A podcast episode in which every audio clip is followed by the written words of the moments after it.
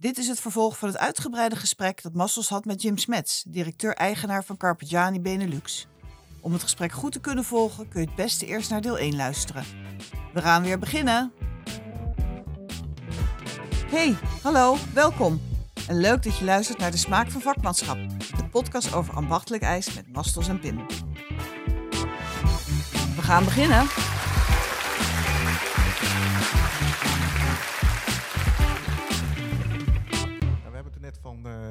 Waaiers, docent aan het Capitani Gelato University, een avocado gekregen. Of een café glacé, zoals jullie dat eigenlijk in België zeggen. Vanille-ijs met koffie. Wat vond je daarvan? Ja, dit was echt gewoon een, een smaakbom. Hè. Dat, Ja. was eh, heerlijk. Ja, Heerlijk, we moesten ja. zelfs even deze podcast iets vertragen, omdat we zo zaten te genieten van eh, Ja, die avocado die ja. hij had eh, Ja. gemaakt.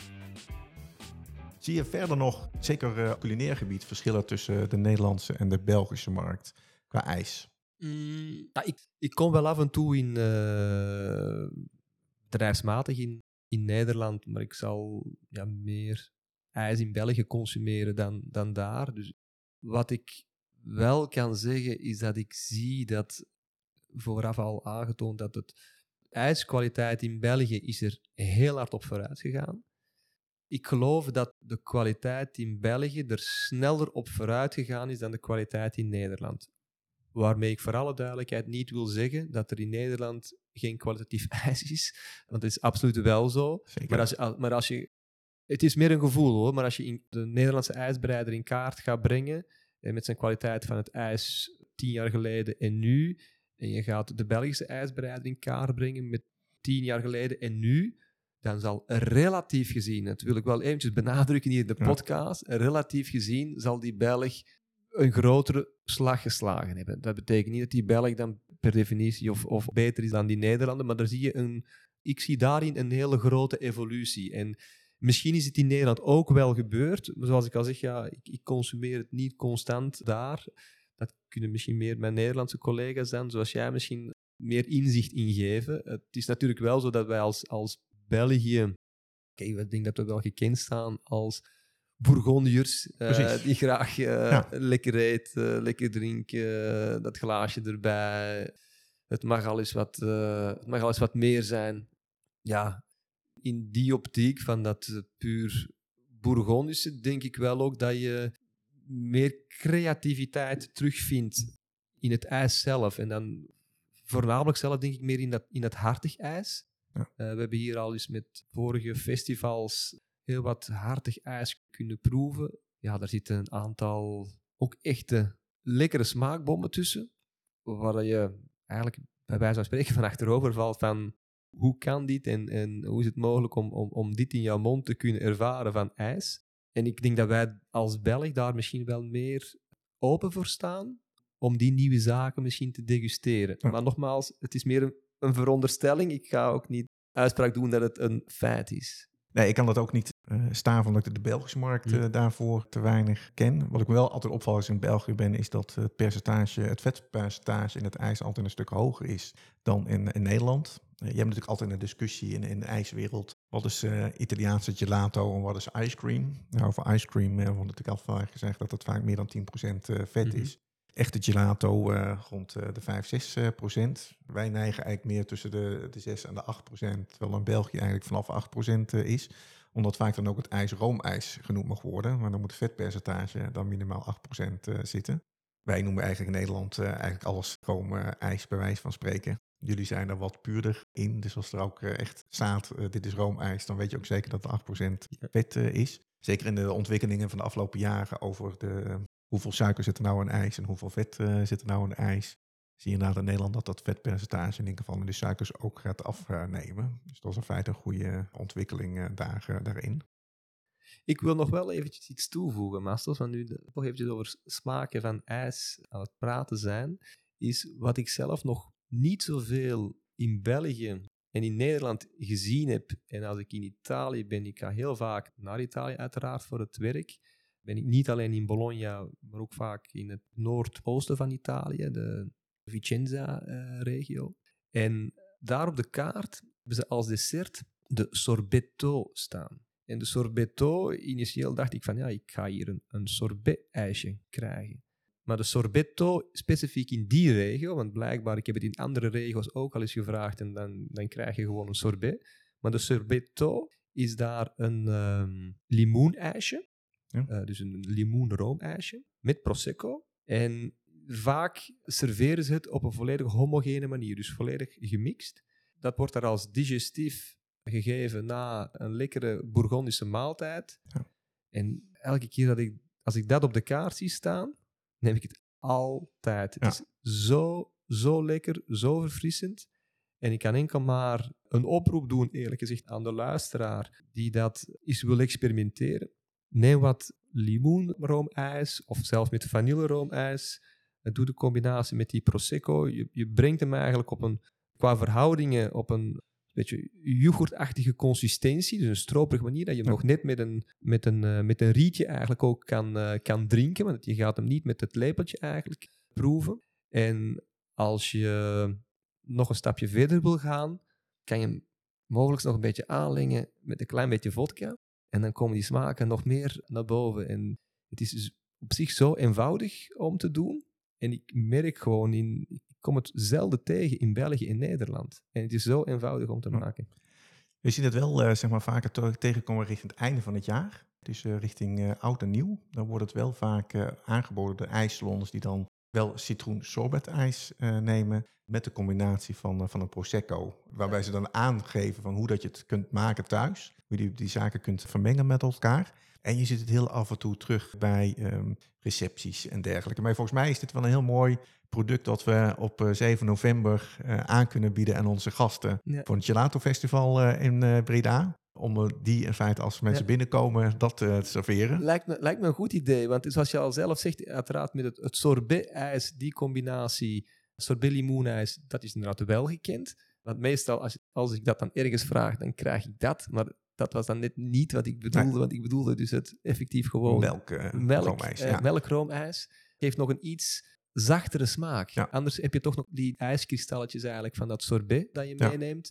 En met dat melkroomijs heb je dat, eh, heb je dat niet. En dat maakt voor mij alleszins, ja, maakt dat het net dat tikkeltje Ja. specialer. Ja, we zien het wel steeds vaker terugkomen eh, bij eh, boerenbedrijven die natuurlijk een eigen melk Ja. gebruiken. Die na de sorbet, wat, wat we dan noemen in het vaktermen, is een demi maken. Mhm. Dus eh, half sorbet, half melkproducten mee maken.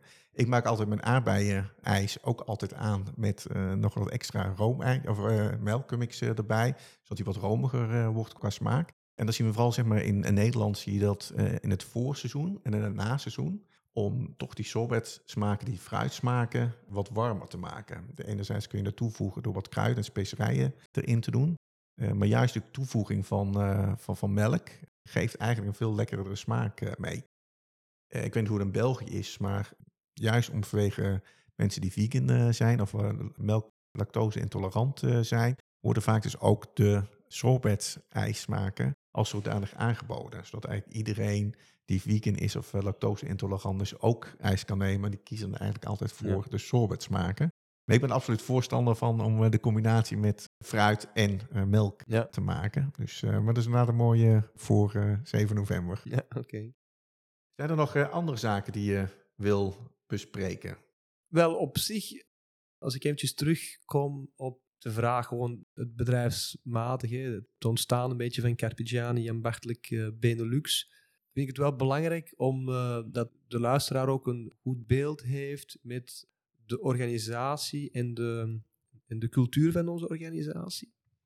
Wij zijn heel hard, werken wij op de beleving, en dat begint eigenlijk al de beleving intern binnen onze organisatie. Ik vind het enorm, enorm belangrijk dat uh, mensen die voor Carpigiani ambachtelijk Benelux werken, dat die zich goed voelen in hun vel, dat zij ook inspraak kunnen hebben met de verdere ontwikkeling van het bedrijf, want tenslotte hebben zij de contacten ook met de klanten, hebben zij ook de meeste feedback die ervan toekomt.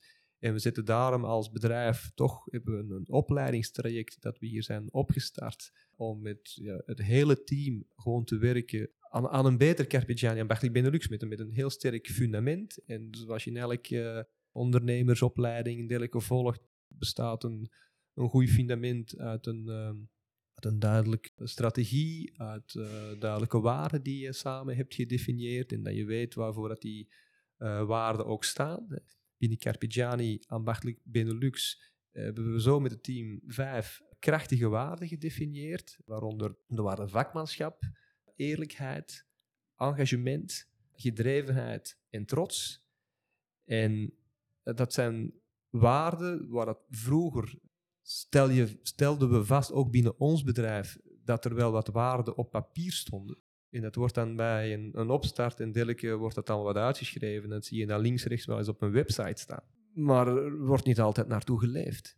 En wij zijn nu echt heel actief bezig om, om die waarden niet enkel op papier te hebben, maar ze effectief uit te dragen, uit te voeren. En ik vind het enorm belangrijk dat de luisteraar, mogelijk zijn potentiële klant, dat die weet dat dat de waarden zijn waar wij als bedrijf achter staan. En zoals ik ervoor al zei, wij zijn niet perfect. Wij zullen ook wel als bedrijf eens fouten maken. Maar als we fouten maken tegen die waarden, ja, dan moet daar gewoon echt een, uh, een respectvolle, uiteraard wel, communicatie opvolgen. En wil ik 100% feedback krijgen van die klanten die mogelijk ervaren hebben dat zij niet volgens die waarden geholpen zijn geweest. Dat kan gebeurd zijn, maar dat zijn zaken die mij heel nauw aan het, aan het hart liggen en waar dat ons hele team zich ook voor heeft geëngageerd om voor die waarden effectief te, te vechten. En het, zijn niet zomaar woorden die zijn vooruitgekozen. Elke waarde heeft ook zijn eigen definitie binnen, binnen de context van ons bedrijf uh, gekregen. En het zal in de praktijk wel zijn dat de ene persoon binnen het bedrijf ze al ietsje sterker naleeft dan de andere. Maar dat is ook het groeitraject waar dat we in bezig zijn en waar we constant, nu nog altijd, want binnenkort liggen er weer een aantal uh, team-events, maar gericht die waarden naar voren, om dat maar sterker en sterker te maken. En ik geloof heel, heel hard dat op de juiste manier dan communiceren daaromtrent, zich openstellen, voornamelijk authentiek gedragen, dat je op die manier samen hè, met, met de klant, met de leverancier, ja, mooie, mooie ervaringen kan hebben. Dat wil ik zeker uh, benadrukken in, uh, in deze podcast. Precies. Nee, dat, uh, jullie zijn er vorig jaar, eind vorig jaar mee van start gegaan. Ja. Dat heeft dit jaar is het allemaal op papier gezet. Dat heeft ook wel volgens mij een reden geweest dat we ook binnen de Benelux-organisatie min of meer een onderscheid gaan maken naar Capitani ambachtelijk Nederland, Capitani ambachtelijk uh, België. Mm -hmm. Volgens mij is dat ook de, de insteek. Ja, uit die, uit die workshops komen uit ja, fundamenten van je bedrijf begint te bespreken. En waar ik net zei, communicatie is er belangrijk dat iedereen ook zijn zeg kan doen. Haal je heel veel feedback uit, uh, uit de markt. En het is ook daaruit, het heel dat geheel, dat we de feedback gekregen hebben, dat het mogelijk voor de Nederlandse markt wel meer duidelijkheid zou bieden. Dat ze weten dat ze voor Nederland bij een bepaalde persoon, een bepaald team, dat ze daar terecht kunnen, dat we vanuit Nederland korter op de bal kunnen, kunnen spelen. En dat we ook meer de, de, de, de cultuur kunnen volgen van wat de Nederlander verwacht. Want ik kan dan wel als mezelf of als bedrijf hele mooie ambities hebben om het zo goed mogelijk te doen. Maar als qua taal, qua woordkeuze. En er zijn wel, we spreken op zich dezelfde taal, maar ik heb toch al in de praktijk vastgesteld dat bepaalde woorden en, en, en zinnen een totaal andere betekenis hebben. Ja. ja. denk ik gewoon dat het in ieders voordeel is dat je kan communiceren effectief in diezelfde taal. En dat is een stukje, ja, ik kan me moeilijk Belg en Nederlander maken. Ik ben nu helemaal geboren als Belg en ik zal dan altijd wel een Belg blijven. Ja. Maar ik geef gewoon heel graag het vertrouwen aan mijn Nederlandse collega's om op een uh, juiste manier, volgens de waarden van ons bedrijf, autonoom die Nederlandse markt verder te bewerken. Alsof het effectief gewoon een Carpigiani Nederland was. In dit geval heeft hij niet zijn eigen KVK-nummer, zoals jullie dat uh, zeggen kan in de toekomst misschien ooit nog gebeuren. Maar nu denk ik gewoon voornamelijk, ja, extra bedrijf creëren betekent weer extra boekhoudkundige kosten. Die ik toch wel liever wil vermijden, want dat is ook niet in het voordeel van de, van de klant. Wij moeten als bedrijf ook zien dat we elk jaar een, een goede economische realiteit nastreven om te kunnen blijven investeren. Want dat is wel hetgeen dat we als bedrijf de afgelopen jaren constant zijn blijven doen. We zijn altijd blijven investeren om beter en beter te worden in, uh, in wat we doen. Ja, nou, dat is inderdaad heel goed om, om te horen. Jim, jij bent uh, directeur-eigenaar van Carpigiani Ambachtelijk Benelux. Um, ik hoop dat we met deze podcast ook een beetje de, de beeld hebben geschetst, uh, de man achter. Want je bent eigenlijk altijd toch min of meer op de achtergrond geweest. Wat betreft Carpigiani, zowel in Nederland als in België. Voor Artiso is dat volgens mij juist andersom. Ben jij uh, juist vaak in, in, in de lead. Is dat een bewuste keuze geweest? Ja, het is zeker een bewuste keuze. Het is een bewuste keuze in te weten wat kan binnen het tijdskader dat er is. Ik ben van mening, als je, als je de dingen goed wil doen, moet je je 100% kunnen smijten in dat gegeven. En dat is de. Ik heb je voorafgaand uh, al aangegeven dat ik destijds geloofde in die opsplitsing van die vier divisies. En ik geloof niet dat je specialist in de bakkerijwereld kunt zijn en specialist in de ijswereld kan zijn. En historisch gezien ben ik mezelf beginnen specialiseren binnen die bakkerijwereld, meer bepaald zelfs banketwereld. En als ik nu dezelfde specialisatie zou willen gaan doorzetten, ook voor mezelf als persoon eigenlijk, binnen dat ijs, om me dan ook meer prominent daar naar voren te zetten, ja, dan ga ik sowieso eigenlijk het stukje binnen bakkerij banket naar achter trekken. En ga ik niet meer de waarde kunnen leveren die ik, die ik zelf als, als persoon daar kan leveren.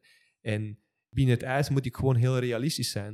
Mijn collega's, mijn entourage, is gewoon vele malen sterker in die specifieke materie dan ik zelf. En het klinkt misschien nu uh, voor de luisteraar heel, of het is misschien niet geen, geen, geen slim antwoord om te geven dat ik als eigenaar van Carpigiani Ambachtelijk Benelux niet vind dat ik de specialist ben in de materie. Maar ja, dat is nu eenmaal, hoe ik zie, de, de eerlijkheid en de, en de kwetsbaarheid die ik dan als persoon wil, wil voorleggen. Want het zou een volledig foutief beeld zijn mocht ik mij voorzetten als de specialist en dergelijke. Want ik ben niet de specialist. Het is wel zo dat ik met, met hart en ziel werk aan die fundamenten van dat bedrijf, aan de, aan de strategie van het bedrijf, om die samen verder te zetten met de mensen die in de field rondlopen. En dat ik dat met volle passie doe. Ja, dat merk ik zelf ook. En, en, het is, en die passie is voor mij ook effectief uh, gegroeid met de jaren. Initieel, als, ik, als ik dat binnen het bedrijf zag gebeuren, dacht ik, oké, okay, ja goed, uh, ijs. Maar dan sinds 2009 al iets meer uh, actief. En ijs is gewoon een, een fantastisch product om, om rond te werken, omdat nog meer net dat, dat smaakgebeuren, wat we zo belangrijk vonden en vinden de dag van vandaag, onbelangrijk is, dat, dat, dat kan je met ijs heel goed illustreren en, en in de praktijk heel mooi, mooi omzetten. Mijn specialisatie, en dat is misschien een goed voorbeeld toch voor de, voor de luisteraar, mijn specialisatie is effectief die banketwereld. Maar als ik in mijn vriendengroep ben, ga twee keer per week ga ik fietsen met, uh, met vrienden, zelfs in familiekringen, ja, dan ben ik, dan, ik ben de ijskomman, hè. Ik ben degene die met het, het, het, witte ijsbusje uh, komt aangereden. Maar ze maken totaal geen parallel meer van... Ah, Jim, dat is de specialist in, in, in muffinlijn en cakelijn en koekjeslijn. Nee, Jim, dat is de, de man van, van, van het ijs van Carpigiani. Terwijl dat ik ja, in, in, in wezen, zoals je zegt, operationeel meer tijd in dat banket steek. Maar dan zal ik toch op een onbewuste of bewuste manier, met heel veel passie over uh, de job en over het bedrijf praten, dat ze toch dat, die relatie leggen tussen, tussen mezelf en, uh, en Carpigiani. Ja, daar is gewoon. Dacht ik, gooi hem er even in. Uh, dus, nee, de reden waarom ik ook vraag is natuurlijk om in de Nederlandse markt werd, ben je misschien minder bekend dat je als directeur-eigenaar mm -hmm. van Carpigiani actief bent omdat daar vaak een ander uh, beeld uh, geschetst werd. Daarom was een extra reden om, uh, om dat te vragen en ook duidelijk te maken. Dat je ziet dat je de bedrijf, bedrijf hebt overgenomen van Italië. Capitani Nederland, verpachtelijk Nederland. Dat je dat, dat bent en ook altijd bent, bent geweest. Ja. ja, ik denk sowieso voor de, inderdaad voor de, voor de, de ijsbereider zal dat ja, misschien niet zo gekend geweest zijn. Nu, achterliggend, als ik dan kijk gewoon in de de wereld binnen het ijs in, in Nederland. eh, en ik kijk daar dan naar de, de, de grondstofleveranciers die er aanwezig zijn, de, de belangrijkste andere spelers in de markt, in de, in de ijsmachines of in de, of in de service, die wisten dat al wel van, Zeker. van in het begin. Want ik heb eerlijk gezegd bewust, toen dat ik die rol voor mij ben opgenomen, ben ik ze gewoon gaan, ehm, gaan opzoeken en me gaan voorstellen als, als persoon en, en welke ambities dat we hadden in de markt. Ik kan niet zeggen dat ik, dat ik iedereen ben, eh, ben afgelopen, want er zullen er wel zijn waar dat ik eh, misschien dat persoonlijk gesprek toen eh, niet mee gedaan heb. Maar ja, achteraf gezien, eerlijk gezegd, ja, dat is misschien een beetje dan de kwetsbaarheid die ik hier gewoon naar voren breng. Achteraf gezien hadden we, had het misschien beter anders geweest. En, en had ik, en hadden we toch meer duidelijkheid van in het begin moeten scheppen hoe dat de vork aan de steel zit. Wie dat wij waren als bedrijf, wie dat in ons bedrijf was, welke rechten en plichten dat wij als bedrijf hebben ten opzichte van Carpigiani Italië. Want het is nooit mijn, eh, mijn bedoeling geweest om naar klanten toe een verhaal te brengen van ja, wij zijn nog altijd een zusterbedrijf van Carpigiani Italië, want wij- zijn geen zuster- of dochterbedrijf van Carpigiani Italië. Zoals ik in het begin van de podcast aangaf, wij wensen wel dat er op zich geen verschil is Precies. in de praktijk in het runnen van. Of dat nu de aandeelhouder van Carpigiani ambachtelijk Benelux, of dat het nu Carpigiani Bologna is, of dat is Jim Smets, dat mag hier in wezen helemaal niets uitmaken, want mijn visie is de visie van Carpigiani Bologna. En zolang dat wij de naam Carpigiani ambachtelijk Benelux dragen, zullen wij de visie van Carpigiani Bologna uitdragen in de markt. Als blijkt dat morgen die visies niet meer samen kunnen, dan zullen wij ook een naamswijziging doorvoeren. Wel heel veel luisteraars misschien ook, zeker in Nederland, eh, misschien nog wel willen weten hoe het nou eigenlijk zit tussen uh, Carpigiani ambachtelijk en Carpigiani soft.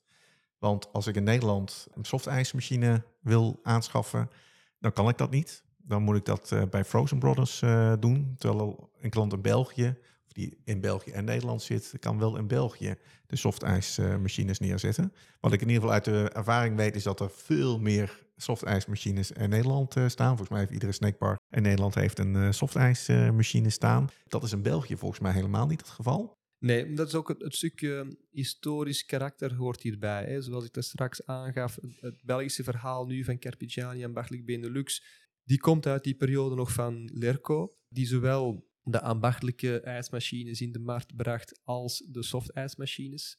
En, en dat is gewoon blijven lopen, omdat er ook geen reden was om dat stukje te veranderen. In Nederland werd in de periode dat het nog Carpigiani Nederland was en eigendom van Italië, werd al wel een opgeroepen om daar in de divisies in op te splitsen. Op het moment van de, van de overname is er heel duidelijk, wij hebben dan het, uh, het ambachtelijke deel overgenomen en het soft gedeelte is dan uh, naar, naar Teun Lonen uh, gegaan, het huidige Frozen Brothers. En dat was echt een, uh, een absolute vereiste ook van, uh, van, van, van Italië. Het was, het was ook niet te, te bediscuteren van uh, we willen het softgedeelte mee overnemen.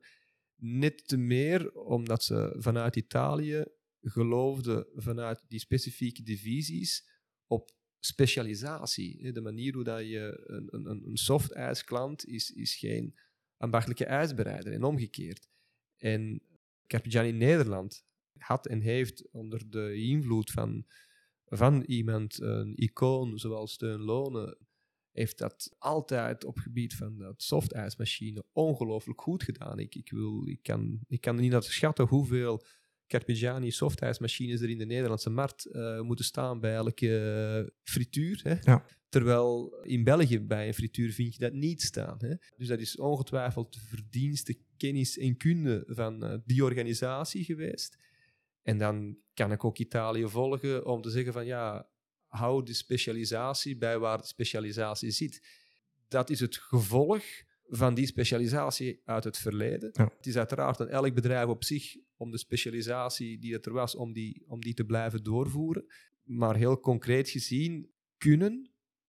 Om eerlijk te zijn, je kan, als, je, als wij deontologisch niet eerlijk zouden willen werken, kan het altijd. Maar ik wil heel duidelijk stellen in deze podcast, wij willen deontologisch werken en wij doen dat niet. In het verleden hebben wij jammer genoeg andere zaken meegemaakt waarbij er wel in de Belgische markt via parallel import Carpigiani-machines kwamen, waar dat de rechten niet voor bij de bevoegde firma's lag. Geen enkele keer hebben wij onder mijn ja, de wind is niet ja. leiding, eh, heb ik zulke zaken goedgekeurd. En zoals je zegt, wij, hebben, wij krijgen heel veel aanvragen door het feit dat we Carpigiani ambachtelijk Benelux, maar denk, in ons mailadres staat denk ik Carpigiani Benelux, dus we krijgen heel veel ja. aanvragen toch wel binnen rond, eh, rond dat soft. En die worden heel keurig altijd doorgespeeld. Die blijven hier niet binnen liggen. Die worden heel keurig doorgespeeld naar de, naar de bedrijven die die rechten hebben. En eh, nogmaals, dat lijkt mij de eerlijke en, en de juiste manier van, van werken. En zo kan je volgens mij ook respect van elkaar afdwingen. Want tenslotte, eh, en dan bedoel ik het gewoon algemeen naar alle andere spelers in de markt die dat eh, ijsmachines in de markt brengen. We willen op zich allemaal hetzelfde. Hè? We willen die klant zo goed mogelijk helpen om een zo goed mogelijk ijsje te kunnen maken. En het is normaal dat de, mijn concurrerend bedrijf, dat zij de overtuiging hebben dat met hun machine dat beste ijsje kan gemaakt worden. Ja. En wij hebben die overtuiging ook. En het, is, en het, is aan, het is aan de klant zelf om dan met een, met een juist en een correct vergelijk van kwaliteit, van prijs, van wat is de extra service dat het bedrijf naast de machine aanbiedt. Waar voel ik mij het goed, goed bij? bij wie gun ik, eh, wie gun ik die, die, die, die verkoop? Dat zijn allemaal zaken die gewoon meespelen. En als we allemaal op een, eh, op een heel eerlijke manier gewoon samen doen, zaken doen en elkaar respecteren en gewoon de afspraken die dat er op papier liggen of mondeling gemaakt zijn volgen, dan ben ik, zou ik het enorm... Ik zou het niet, niet, niet kunnen verstaan dat de ijsbereider dat niet zou willen. De ijsbereider wil toch gewoon goed geholpen worden voor, voor, voor wat. En die, die is niet ge- gebaat met een, eh, ja, een discussie links-rechts tussen eh, twee bedrijven of twee personen. Ja, daarom is het goed dat eh, de luisteraars dus weten dat als jullie een aanvraag eh, bij ons eh, indienen voor een softijsmachine, dat wij dat heel netjes doorzetten eh, naar de partijen. Eh, en dat zij dus contact opnemen eh, met de luisteraar en eh, dat dat niet vanuit Capitani Benelux eh, gebeurt. Nee, en ik zou het nog concreter willen, willen maken. Nog, nog veel beter voor de snelheid van, van reactie, voor, al, voor alle duidelijkheid. Soft gebeuren Carpigiani in Nederland eh, ligt bij mij weten de dag van vandaag nog altijd officieel bij Frozen Brothers. Ja. Die de expertise van het, eh, van het verleden eh, hebben en dat volgens mij altijd wel goed gedaan hebben. Het, het beste is dan ook, als je daarin geïnteresseerd bent, contacteer Frozen Brothers rechtstreeks. Nogmaals, het kan via ons en het wordt doorgestuurd. Maar als je de snelste weg kan volgen, dan ja, ik neem graag ook dan, als ik moet kiezen tussen op uh, zes uur naar Parijs rijden of op vier uur naar Parijs rijden, dan kies ik om op vier uur naar Parijs te rijden. Ja, nee, dat is ook. Nou, ik wil je heel hartelijk uh, bedanken, Jim, voor deze podcastopname. ik ben benieuwd wat er van overblijft. Ja. maar we gaan, uh, gaan er mee door. Volgens mij wordt het een hele leuke serie. Dus ik hoop je nog eens vaker uh, voor de ja. podcast te krijgen. Okay. Na de opname spraken Jim en ik nog even verder. Jim gaf toen aan dat hij het gevoel had dat een deel van zijn verhaal niet duidelijk genoeg naar voren is gekomen. Namelijk het gedeelte over het zakelijke keerpunt van Jim. Dat kwam na het overlijden van zijn dochter Sam. Daarom stelde ik hem deze vraag nog een keer, waarop Jim een mooi en uitgebreid antwoord gaf. Dit antwoord is als afsluiter van deze podcast te horen. Jim, je gaf uh, toen straks aan dat uh, het, het overlijden van je dochter een keerpunt was voor je zakelijke carrière. Kun je dat toelichten? Uh, ja, dus toen um, mocht die situatie niet gebeurd zijn, dan ben ik er 100% uh, zeker van dat ik hier de dag van vandaag niet zou zitten als, uh, als eigenaar van Carpigiani en Benelux. Ik, zou, ik had de beslissing wel genomen om het uh, toenmalige bedrijf Denatec Lerco om dat samen te runnen met de voormalige eigenaar. Maar onder de conditie toen dat we het samen zouden doen. Ik voelde mij helemaal niet sterk genoeg om zo'n bedrijf alleen te runnen. En dat partnership was op dat moment voor mij een noodzakelijkheid ook in de besprekingen. En door het, door het overlijden van, uh, van Sam, ja, dat, zoals ik al aangaf, dat, dat, dat doet wat met de mens. En, en ben ik anders beginnen nadenken over, over het leven, over wat ik wil, over wie dat ik ben. Wat, wat drijft mij? Wat, wat maakt mij gelukkig? Wat maakt mij ongelukkig? En dat deed ik ervoor niet. Voor, voorheen, ik was, een, ik was echt een workaholic. Hè. Ik was uh, constant gewoon passioneel wel met mijn, met mijn job bezig. Altijd daar maar in presteren, presteren, presteren. En waar dat jammer genoeg nog wel een beetje de, de aandacht voor het, voor het gezin uh, iets, iets minder was. En dat, um, ja, dat neem ik me vandaag eerlijk gezegd nog altijd kwalijk, dat ik mhm. daar toen minder aandacht voor had. Um, maar de focus gewoon op, op dat geluksaspect, dat ik zeg van ja, wat maakt mij gelukkig, maar wat maakt ook mijn omgeving gelukkig, moeten we daarvoor doen, dat is wel meegenomen in, in, in, heel, in heel dit verhaal. Wij zijn um, door die omstandigheid hebben wij heel snel, of niet door is niet het juiste woord, maar we, hebben, we hadden een, een, een zoon van, van vijf op dat moment. En mijn vrouw en ik hadden gezegd van ja, oké, het is niet omdat er ja, nu al een, een, een stukje, hoe moet ik het zeggen, het is niet dat nu een, een, een stuk geluk van ons is, is, is, is weggevallen, afgenomen met, met het overlijden van onze dochter, dat we nu ook onze zoon moeten gaan verliezen, omdat die constant ouders in een hoekje uh, zien, uh, zien huilen. En uh, dat was voor ons wel de trigger om te zeggen, we moeten hier een knop omdraaien en we moeten zo snel mogelijk terug ons positief in het leven zetten en van ons leven iets trachten te maken. Niet het geluk op dezelfde manier terugvinden, dat gaat niet, want dat is weg. Maar we kunnen misschien wel uh, een andere vorm van geluk ontdekken, hè, wat we anders niet zouden doen. En het is net dat stukje ontdekken van andere vorm van geluk, waar dat de actie om het bedrijf volledig over te nemen wel in paste. Omdat dat niet hetgeen was wat ik ervoor zou doen. En ik, ik zocht redenen, mogelijkheden, heel bewust eerlijk gezegd, om het overlijden van mijn dochter een positieve betekenis in mijn leven te geven. Dat het niet voor niets zou geweest zijn. En in die bewuste zoektocht naar wat maakt mij dan toch meer gelukkig en waarom maakt me dat meer gelukkig? Welke reden heb ik daarvoor om er inderdaad meer gelukkig voor te zijn? Ik heb echt in, in dat jaar heb ik een, een boekje volgeschreven. Tien stappen naar succes en geluk. Om echt te weten voor mezelf wie wil ik in de toekomst zijn? Wie wil ik nu zijn voor mijn, voor mijn kinderen, voor de mensen om mij, voor mijn klanten, voor mijn ouders, voor mijn, uh, voor mijn broer, mijn vrienden? En dat was echt een, een, een guideline, eigenlijk een, een, richtlijn in, in, de verdere stappen. Ik ben dan uh, toevallig in contact gekomen met een ondernemer die een gelijkaardige situatie had meegemaakt op een moment dat hij financieel aan de, grond zat, als zelfstandige ook zijn kindje verloren. En die op dit moment een coaching het traject eigenlijk aan het, uh, aan het doen is voor ondernemers. En die er vol, ik had het van een andere klant gehoord, die, dat vol, die er vol passie op zijn podium stond om ja, zijn ervaringen te delen. Dat ik ook met hem contact heb opgenomen, ondernemersopleidingen ben beginnen volgen. En dan de, laat zeggen, de inzichten in het leven die ik dan in de praktijk zelf uh, ervaarde. En de, de inzichten vanuit opleidingen voor, voor ondernemers. Dat was een combinatie die, die echt volledig wel in elkaar vloeide. En, uh, en dat geheel heeft mij gewoon de, de kracht gegeven om op een gegeven moment te zeggen van ik ga dit op deze manier niet verder doen. Ik ga stappen en acties zetten om het bedrijf volledig over te nemen.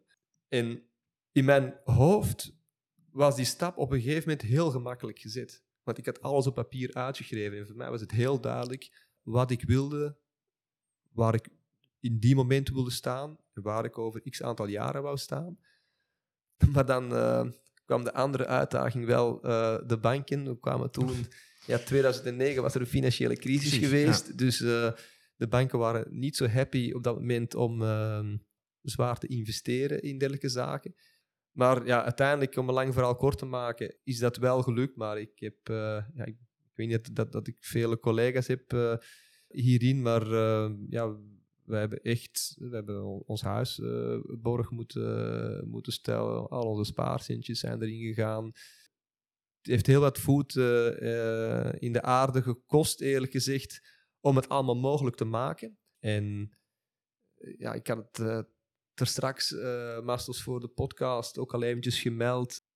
Ik moet toegeven dat we op een aantal zaken gewoon veel geluk hebben gehad. Want mocht ik een, uh, mocht ik een accountant uh, geweest zijn van, van nature, ja, dan had ik de stappen misschien helemaal niet gezet. Want er zijn best wel wat, wat lijken uit, uit de kast gevallen. Maar dat heeft ons ook weer al gesterkt. We zijn, we zijn blijven vechten.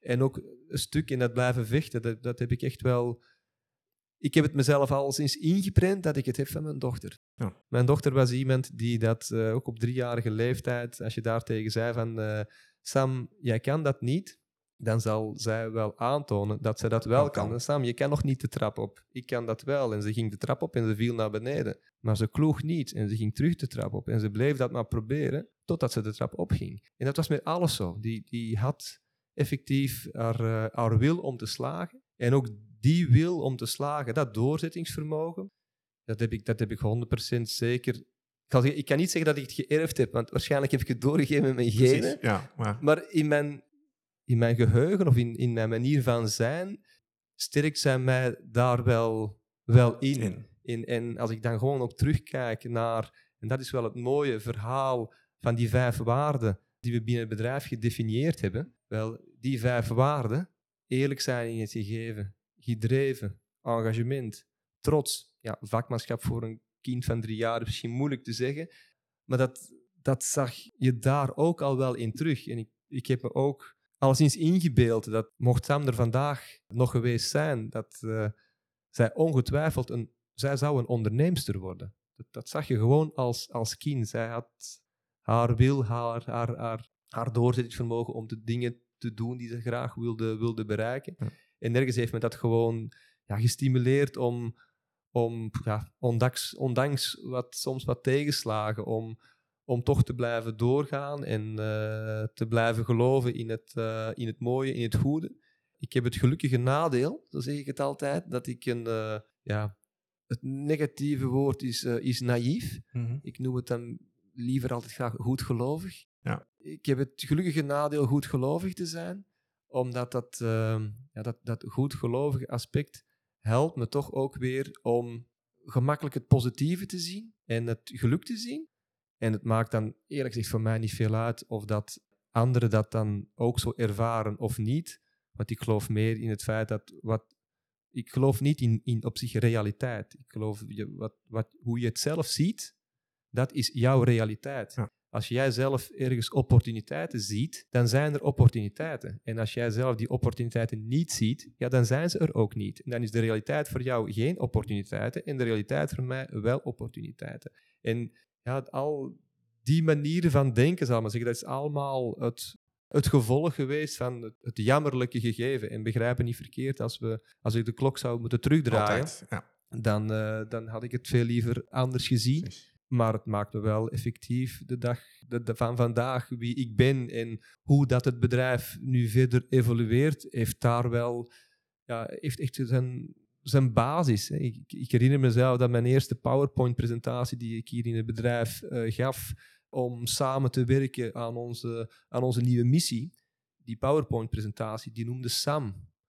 Samen werken, daar stond het dan van, aan onze missie. Ik had dan de woordspeling erin gebracht om, om, ja, om dat stuk bij mij te houden. En, en, en, en ze in alles van wat ik doe, op een of andere manier, ja, neem ik ze wel mee. En, en kan ik gelukkige dag van vandaag terugkijken op een...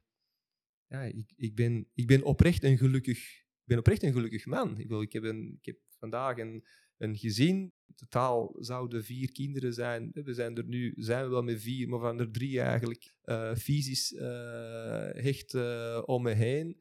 En ehm, we, we ervaren geluk en we zijn een gelukkig gezin. En ondanks wat er, wat er gebeurd is, elke dag dat ik op kantoor kom of dat ik eh, bij, eh, bij klanten ben, dan zal ik dat, dat, dat geluk, dat enthousiasme, de, de passie in hetgeen wat ik doe, gewoon willen overdragen. Of draag ik dat over om, om zoveel mogelijk ook gewoon in de, in de moment te kunnen genieten. Hè? We, hebben, we hebben allemaal wel wat shit uh, rond, rondom, rondom ons heen. En uh, het gaat er niet zozeer om, om wat er daarmee gebeurt, maar het gaat er gewoon meer hoe dat je ermee omgaat. En uh, ja, dat is alleszins een, uh, iets dat ik effectief, nogmaals, binnen, binnen het bedrijf heel vaak benadruk. Dat we het op die manier best positief de zaken bekijken.